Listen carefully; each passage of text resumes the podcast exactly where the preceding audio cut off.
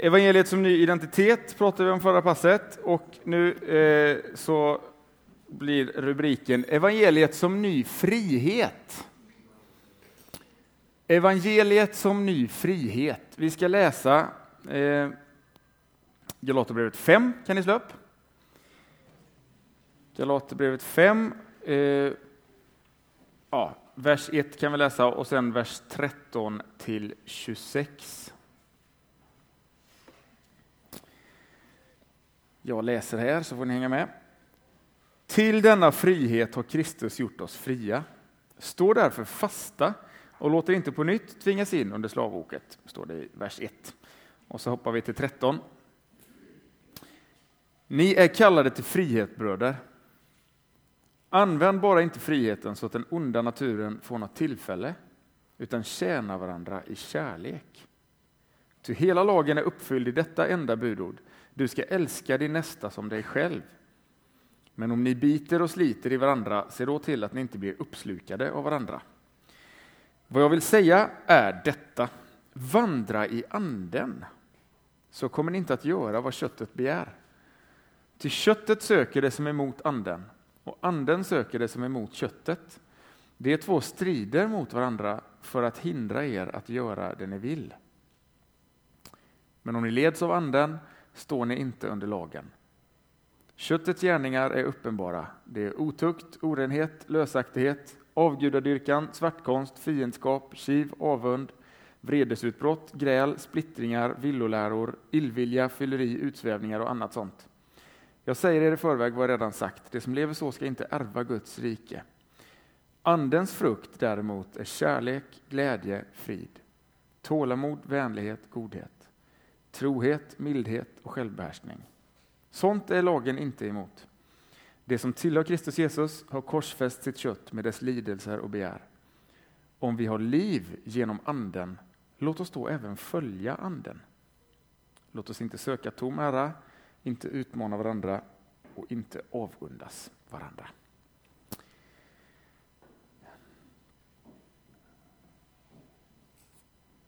Ni kommer ihåg eh, Braveheart-filmen som eh, jag knöt an till igår. Ropet på frihet, kanske en av vår tids högsta värderingar. Vi söker frihet som människor, men vad innebär frihet? Vad är frihet för något egentligen? Ni är kallade till frihet, säger Paulus i vers 1 och vers 13. Och evangeliet innebär en ny frihet. Vi pratade om den förlorade sonen innan, eller den liknelsen. Den yngre brodern, han sökte ju friheten i sitt självförverkligande genom alla valmöjligheter. Men till slut så insåg han att han slutade som slav till grisarna. Kanske säger oss det någonting eh, om hur vi, eh, en fälla vi ofta går i i vår tid, tror jag, angående hur vi tänker kring frihet. Vi lever i en så kallad postmodern tid. Har ni hört talas om det ordet? Mm. Vår kultur och vår tid är liksom superkänslig för alla sanningsanspråk. Man ser ugglor i mossen överallt eh, i betydelsen att man anar förtryckande maktanspråk överallt. Särskilt i alla traditionella saker, kyrkan och liksom olika stora eh, berättelser och ideologier. Man är väldigt vaken och dekonstruktion är ett inord. Dekonstruera allt, alltså man försöker genomskåda agendan bakom olika eh, personer och rörelser. Och för att liksom säga nej, du är bara ute efter makt. Liksom, egentligen. Allting handlar om makt. Blir det lite cyniskt då? Allting handlar bara om, om, om makt. Och det gäller att avslöja alla maktanspråk i alla olika grejer och slå oss fria och förverkliga oss själva, fria och obundna och följa våra hjärtan vart de än leder oss. Det är mycket av vår tids eh, liksom, eh, tanke hur vi når vår frihet.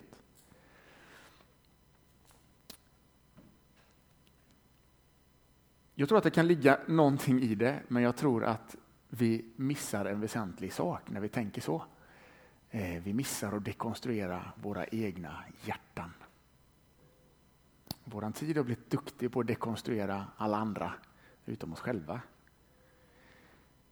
Och vi ser inte att vi då får en blind fläck i oss själva liksom, och blir slavar under makter som vi inte har koll på i våra egna hjärtan, våra egna begär.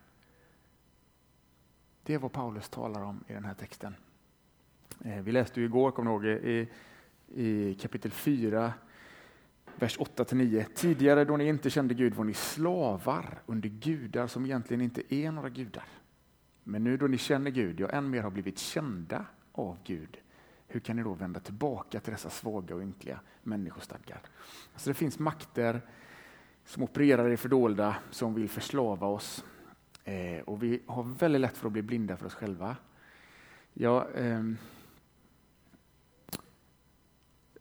ja, jag har jobbat mycket med missbrukare eh, och där ser man det ganska tydligt. Liksom, att det som på ett ytligt plan kan verka som en stor valfrihet. Ja, men klart jag får supa eller knarka hur mycket jag vill. Det är ju frihet, eller hur? Problemet är ju bara att man blir slav. Man kan inte sluta och eh, jag har sett allt för många exempel på människor som har förstört alla sina liv, alla sina relationer och, och slutar i misär. Därför att de är slavar under krafter. Eh, de är slavar under sina begär. Och de hemlösa och missbrukarna har lärt mig någonting om mig själv, faktiskt. Jag är inte så värst olik. Faktiskt. Köttets begär talar Paulus om. Eh, så det finns krafter i oss som lätt gör oss till slavar och drar oss dit vi inte vill. Har ni sett Lejonkungen? Simba. Det finns en eh, dramatisk scen där Simba har varit på flykt, tror jag, långt hemifrån och, och han eh, får om natten se en syn då med hans far, den döde lejonkungen, som uppenbarar sig för Simba och påminner honom där i Simbas djupaste misär när han har glömt att han är liksom kungens son. Så säger eh, pappan så här till honom i synen att Simba, du är mer än du har blivit. Du är mer än du har blivit. Anden vill påminna oss, som vi pratade förra passet om, vår identitet som Guds barn. Den identitet vi har. Det betyder också att vi är mer än vi blivit. Och vår kallelse är att eh, på något sätt förverkliga vår identitet. Att bli de vi är i Kristus. Att låta anden prägla våra liv, att låta anden få den här evangeliets identitet att levas ut i våra liv. Så att gudslikheten åter kan ta form i våra liv. Eh, det berättas hur man, hur man renade guld förr i tiden i antiken. Så ni vet, en guldklimp är ju inte skinande ren direkt när man hittar den så här ofta, utan den är ju ofta förorenad. Och en uppblandning och gömd bakom grus och slagg och så vidare. Och, och guldsmeden gjorde då så att man stoppade in den här guldklimpen i den varma elden, ugnen, så att slagget brändes bort. Och det var en lång process detta. Det tog många gånger ut och så blev det lite blankare och så in igen och bränna bort mer. Och så höll guldsmeden på så här jättelänge, då, in och ut i, i, i eldslågan. Tills guldet blev så skinande blankt att guldsmeden kunde liksom, och så se sin egen spegelbild i guldet. Då var det färdigt. Och det är en bild för Andens verk i våra liv. En bild för det vi kallar för helgelsen. Eh, Gud vill liksom in med oss i Andens, Guds brinnande kärlekslåga. Där vi får renas, leva i en, bada i Guds varma kärlekslåga. Till rening, till förlåtelse, till upprättelse och också till förvandling. Så att vi mer och mer får bränna bort det där slagget som ligger i vägen. Mer och mer bli oss själva. Bli de vi är. Tills avbilden, guldsmedens spegelbild, Kom ihåg Ireneus där med fotnötterna, Genesis 1.27, till människan skapad i Guds avbild. Tills avbilden återtar form i våra liv. Så Nya Testamentets perspektiv handlar liksom om att frihet handlar om att bli de vi är. Att, att liksom kunna leva i enlighet med vårt syfte, med vår identitet. Det var fotbollsturnering här igår, såg vi. Och jag var grymt sugen på att vara med. Eh, om man tar, eh, om jag skulle gå ut fotbollsplanen och så tar vi Zlatan också. Vem är mest fri på plan, jag eller Zlatan? Säg mig, säg mig, säg mig. Nej, vad ska jag? Klart Zlatan är friare. Jag, skulle ju liksom, jag kan inte göra det jag vill med bollen. Jag snubblar och fipplar och eh, så dålig är jag inte, men alltså, eh, inte som Zlatan långt ifrån. Zlatan är väldigt fri att kunna trolla med bollen. Friheten består i att kunna liksom fullt ut vara det man är skapad för.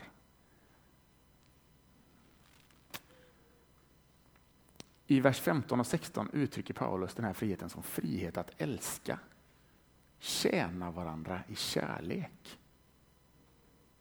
Lagen sammanfattas i detta bud. Älska din nästa som dig själv. Om vi är skapade till Guds avbilder, då är vi faktiskt också skapade i det här djupaste syftet att älska så som Gud älskar. Där i finns liksom vårt syfte. Där är vi i vårt esse egentligen, djupast sett. Eh. Har ni sett min lilla hundvalp? Jag, är glad för henne. Och jag har inte haft en egen hund innan, men för några år sedan så hade jag tillgång till att låna en hund. Det var också, det var också en jakthund, det var en drever, en riktig så här, jaktidiot. Och hans husse hade dött, han var jägare, och sen så kom han till en jättesnäll familj, men de var inte jägare. Och tog hand jättebra om dreven, men han var alltid lite frustrerad när han var där hemma i lägenheten bara, för han hade sån oerhört driv att han ville ut i skogen och spränga och skälla på rådjur. Och så ville de, Björn, kan inte du, om du går ut i skogen, kan inte du ta med honom? Ut? Ja, det ska jag göra.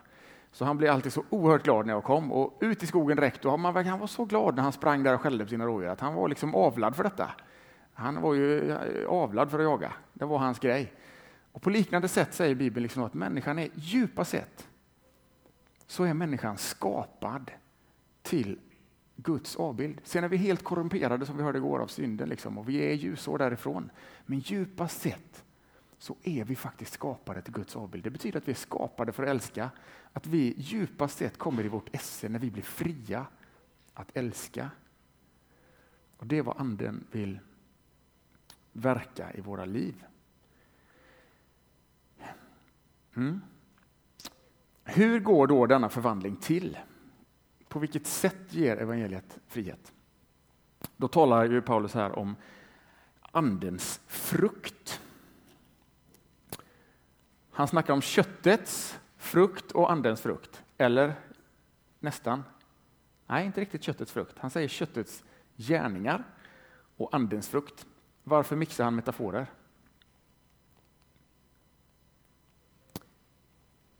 Jag tror han har en djup poäng i att han inte säger andens gärningar och köttets gärningar. Andens frukt är frukt. Det är ingenting vi själva kan ta oss, betyder det. Vi kan inte bara ta oss i kragen och bli mer kärleksfulla. Det funkar inte. Utan det är, det är en frukt, det är någonting som föds fram av Guds närvaro i våra liv. Kärlek, glädje, frid, tålamod, vänlighet, godhet, ödmjukhet, självbehärskning. Vi kan inte pressa fram det själva, men det är en frukt av Guds närvaro genom sin Ande i våra liv. Så återigen, det här handlar inte om att bli, gå från lillebrorsa till storebrorsa och återigen vara duktig och bli bitter. Utan det handlar om en ny identitet, en ny frihet. Där Anden får prägla våra liv med sin kärlek utifrån att vi lever i vår identitet som älskade. Det är en ny sorts frihet. Den eh, omvittnas redan och utlovas i Gamla Testamentet. Vi kan läsa i Jeremia 31. Jeremia 31, 33.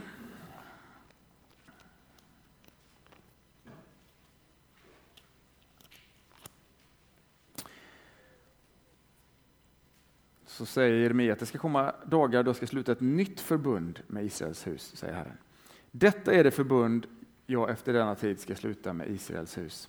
Jag ska lägga min lag i deras inre och skriva den i deras hjärtan. Jag ska vara deras Gud och det ska vara mitt folk. Och ett liknande ställe hos profeten Hesekiel 36-26. Hesekiel 36, 26.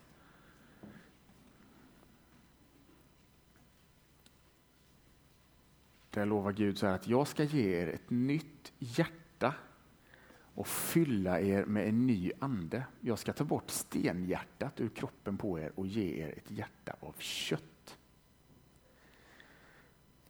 En ny sorts frihet.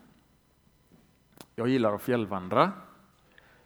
Ibland har vi varit i Sarek, jag och mina vänner. Och där är inga stugor och ICA-affärer och sånt i Sarek, utan man får ha med sig mat då eh, för tio dagar eller något sånt där. Då har man en rätt tung packning i början och man har kanske en 30 kilos ryggsäck om man går ut och går. Och det är rätt tungt. Det är liksom en, maten är, det är en rätt tung börda i början, känns riktigt eh, tungt när man går där.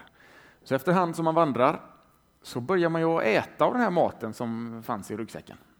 Och då händer ju två saker. Att bördan blir lättare och jag får kraft inifrån av den maten som tidigare var en börda på min rygg. På liknande sätt kan man säga att det är som anden gör. Lagen skrivs i våra hjärtan. Han ska lägga sin lag i vårt bröst. Och anden, pingstdagen, anden, gavs på laggivningens högtid utifrån samma tidpunkt som man firade laggivningen till Mose. För den högtiden ger Gud sin ande, pingstdagen. Det finns ett djupt samband. Gud lägger lagen, sin närvaro i våran bröst. Inte en yttre börda utan Gud faktiskt skapar en längtan. Ja, men faktiskt en längtan att jag vill. vill följa Jesus, jag vill eh, leva i kärlek. Sen är vi långt ifrån det här, men han börjar skapa en längtan. Det är Andens verk. Några aspekter till av vad det innebär det här med att förvandlingen handlar om Andens frukt. För det första så innebär det att vi kan förvänta oss växt. Ibland känns det, ganska ofta faktiskt kanske det känns så att det är helt omöjligt att förändras. Det är i alla fall fruktansvärt svårt. Man har sina sidor och det är verkligen inte lätt att bli av med dem. Eh,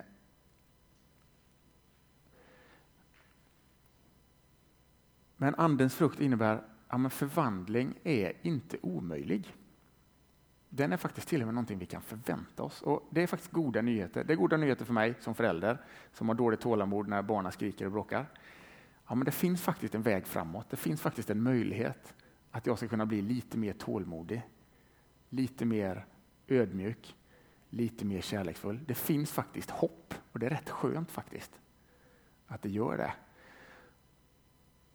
Eh, vi kan tänka på vilken kraft det finns bara i naturen. Om, ni har sett ibland att det kommer upp maskrosor nästan i en liten spricka i asfalten. Vilken oerhörd kraft det finns redan i naturens biologiska växt. Skulle det då inte finnas kraft i Guds egen ande? I andens växt i våra liv? Skulle inte det finnas någon kraft i andens närvaro i våra liv? Jo, det gör det. Vi kan faktiskt förvänta oss att växt är någonting som vi kan förvänta oss. Därmed måste jag ändå väldigt, väldigt snabbt tillägga punkt nummer två som vi kan lära oss av Andens frukt och det är att växten är mycket, mycket, mycket, mycket långsam och gradvis. Har du någon gång sett ett äpple växa eller en, en, någonting överhuvudtaget växa? Ser du liksom, om du sätter dig och tittar på en växt, ser du hur det rör sig och växer? Har du någon gång gjort det? Aldrig. Inte ens vetegroddarna kan du se om du bara tittar så, även om de går rätt snabbt. Växten är väldigt långsam eh, och väldigt gradvis. Det är ingenting faktiskt vi kan se när jag bara tittar i mitt liv. Växer jag, växer jag? Vi kan inte se det. Man kan se det över tid. Men vi kan inte se det när vi tittar just nu. Och det är också rätt skönt då. I alla fall utifrån min erfarenhet. Eh, vi tänker kanske ibland så här att hur ser en kristen normalkurva ut? Hur borde mitt kristna liv gestalta sig? Då borde det kanske vara så här man kommer till tro. Eh, Gud gör någonting i ens liv och sen borde det gå liksom spikrakt uppåt om anden bor i våra liv. Kyrkans erfarenhet är att det är inte så. Guds ords innebörd här i den här metaforen med frukten är att det är inte så. Kyrkans erfarenhet är att det kristna livet går så här. Det har sina eh, höjder och dalar. Ignatius en stor andlig vägledare. Mycket ignatianska retriter om ni känner till, liksom, som har stor kännedom om det inre livet. Han talar om konsolatio med solen och desolatio, solen utan solen. Solen är där men den är i moln, vi ser den inte, men den finns fortfarande. Och Gud gör sitt verk både i våra toppar och i våra dalar. Han gör sitt verk när allting är härligt, men han gör ett annat, inte sällan djupare verk när allting känns skit i öknen. Det är fruktansvärt jobbigt och tråkigt i öknen. Jag vet inte om du har varit där eller om du kanske till och med är där nu. Men Gud lämnar dig inte. Solen finns kvar även om du inte ser den. Och Gud gör något av sina allra bästa verk i öknen. Frukten ser vi på sommaren, sen finns det höst, det finns vinter, det finns vår. Vi ser frukten en kort tid. Däremellan är det olika säsonger av förberedelser när vi tycker att det kanske snarare vissnar och går bakåt på hösten. Det känns som att ingenting händer på vintern. Vi anar kanske lite knoppar på våren. Det lär oss någonting om det andliga livet. Vi behöver tålamod. Och vi ska aldrig misströsta om Guds barmhärtighet och närvaro. Mina svärföräldrar har en skylt hemma på kylskåpet där det står Lugna dig! Gud är inte färdig med dig än. Det är en rätt bra skylt. Tredje konsekvensen av fruktbilden eller innebörden. Bilden av frukt lär oss att den här växten är en inre växt. Lägg märke till vad som inte omnämns i, i uppräkningen av Andens frukt. Det står inte Andens frukt är eh, strålande intellekt, musikalitet, vältalighet, organisationsförmåga, eh, olika fina verksamheter. Det står faktiskt inte de grejerna. Det är en inre växt som handlar om vilka vi blir, vilka vi är, vår karaktär. Och Det är en påminnelse för mig som jobbar i kyrkan, där det så lätt blir så mycket med verksamheter. Vi satsar så mycket på saker och utvärderar så mycket utifrån hur många kommer eller vad, vilka resultat får vi liksom, och vi ska ha bra grejer. Och det är lätt att vi fokuserar väldigt mycket på yttre saker. Andens frukt handlar om eh, en inre växt. Det är en nyttig påminnelse eh, att Gud är mer intresserad av vilka vi blir han vill forma våra hjärtan. Sista aspekten. Bilden av frukt lär oss att växten är symmetrisk. Vad menar jag med det? Jo, då är det så här att frukt står i singular. Tänkte ni på det? Eh, nu ska vi se. Andens frukt, vers 22. Och sen räknas det upp sju grejer, eller vad det nu är, åtta, en, två, tre, vad det nu är. Har Paulus återigen fel på grammatiken här och kan inte hålla reda på grejerna? Eller är det så att frukten hänger samman? De här egenskaperna, det kan vara liksom ett, när anden gör sitt verk i våra liv, så hänger de här sakerna samman utifrån andens person. Kanske kan vi ibland tänka så här, man kan vara, man kan verka fridfull på ett sätt som kanske inte är frukt av anden utan snarare handlar om att man är cynisk och skiter i allt. Ja, jag bryr mig inte så jag är fridfull. Jag... Det är inte andens frukt för det hänger inte ihop med liksom kärleken. Eh...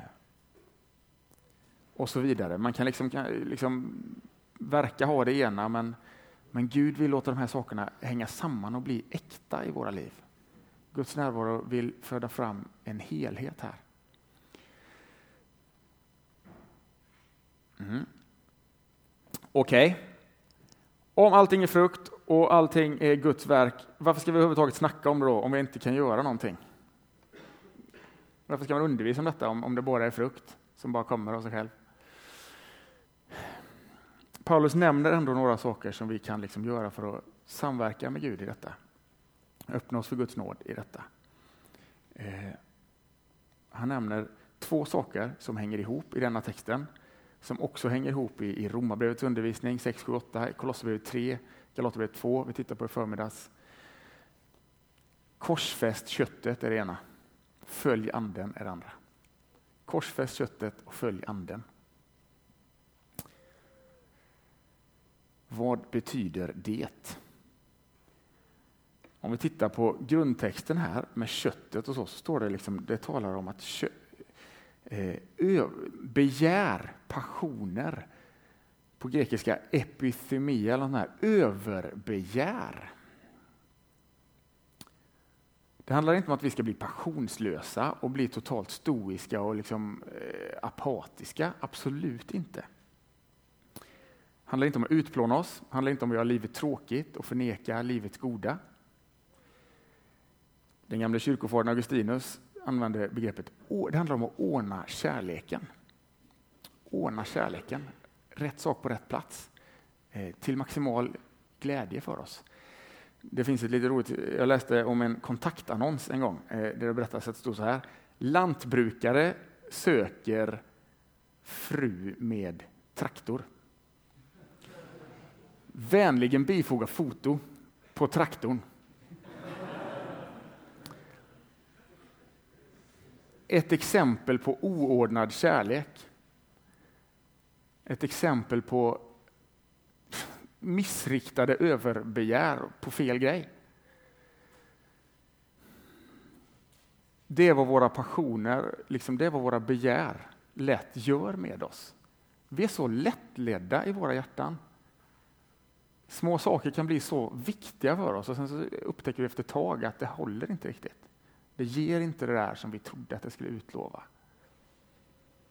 Att korsfästa överbegären, att styra in sin passion.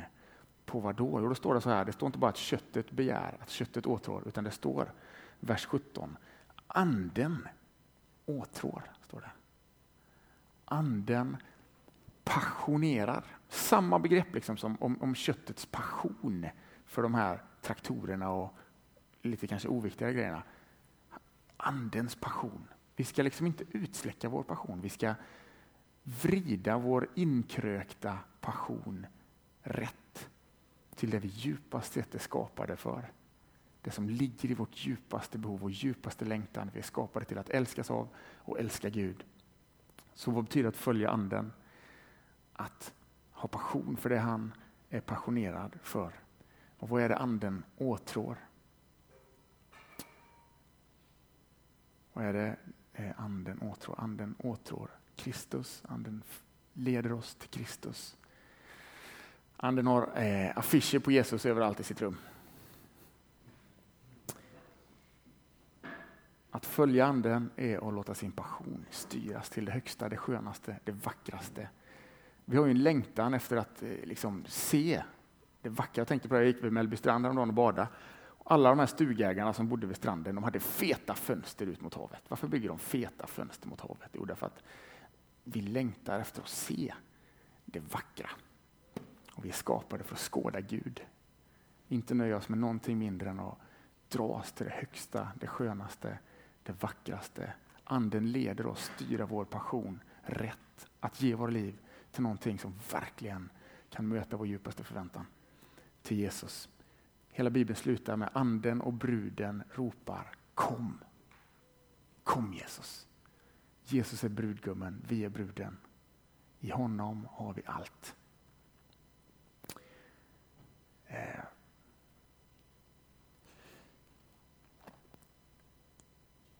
Det har blivit lite fjällvandringsliknelse. Jag ska avsluta med en, ett sista exempel. Bara på det. Vi var i, i fjällen, jag och familjen, för två år sedan. Det var barnen rätt små. Minstingen han var tre år, då, Benjamin, en av killarna som var med så skulle vi testa att fjällvandra och många tyckte att vi kan inte ta med så små barn till fjällen, det är plågeri, liksom, eller det går inte. Men jag ville väldigt gärna, jag tycker det är härligt att vandra i fjällen och tänkte det går nog bra. Så vi skulle vandra en sträcka en dag. Jag tänkte att vi tar det lite lugnt. Eh, vi hade tre kilometer till Norgegränsen och så hade vi liksom ytterligare tre kilometer till en jättefin fjälltopp i Norge. Jag tänkte så här, men vi, vi har som mål att vi försöker att komma till Norgegränsen och sen tre kilometer, sen så vänder vi bort tillbaka. Ja, vi började gå och barnen tyckte det var jättekul. Och, eh, ja, kom fram där till Norgegränsen och var ju rätt trötta, så, men då fick de höra ett ljud där vid Norgegränsen. Då var det en pålande fjällbäck med friskt vatten. Och ni vet hur barn är med vatten, det var ju direkt springa ner till bäcken. Och de tyckte det var så kul. De drack det här friska, fantastiskt goda, rena fjällvattnet. De badade, renade sig. Eller renade, de blir rena. De rituella reningar. Ja. Och sen började de att springa och hoppa och leka. Och de hade så kul, jag har filmer då, de hoppade på stenarna och de, vi hängde inte med där utan de bara spurtade längs med den här fjällbäcken. Och bäcken kom ju från glaciärer och smältade, kom ju upp från toppen. Så vi bara hängde på där och följde fjällbäcken hela vägen upp till Salsfjällets topp. Jag har en bild här på datorn och Benjamin han springer upp för högsta toppen, eh, treåringen då, eh, uppe på Salsfjällets högsta topp. Då tänker jag att det är vad anden eh, vill göra i våra liv. Vi har fått något så mycket rikare, så mycket större än vi kan tänka. Vi har tillgång till levande vatten i våra hjärtan. En källa där vi kan dricka kontinuerligt, släcka vår törst, renas, Eh, glädja oss och leka inte minst och hoppa. Och när vi följer den här fjällbäcken, när vi följer anden, då tar vi oss till nya höjder och oanade mål eh, mot att låta evangeliet få prägla hela våra liv. Som vi pratat om de här dagarna. Att låta evangeliet få prägla oss. Och ska avsluta här nu. Vi kan väl kanske sjunga. Har ni någon sång eller kan vi sjunga? Underbart. Kan vi sjunga några sånger? Och, eh, vi kan avsluta med att be att eh, ja, be att eh, vi får öppna oss för anden. det är ju så korkat att inte dricka av bäcken när vi har bäcken där. Låt oss öppna oss för Guds ande och leva med honom, glädja oss i honom, följa honom till att låta evangeliet prägla hela våra liv. Låt oss be. Tack Jesus för de här dagarna. Tack för alla underbara ungdomar här. Tack för din kärlek till var och en av oss, att du har en tanke med våra liv. Tack att du bjuder in oss att dricka av din klara källa. Tack för glädjen inför ditt ansikte. Tack för evangeliet, Herre. Tack för att det är en händelse som har förvandlat allt, att vi får leva med segern i ryggen.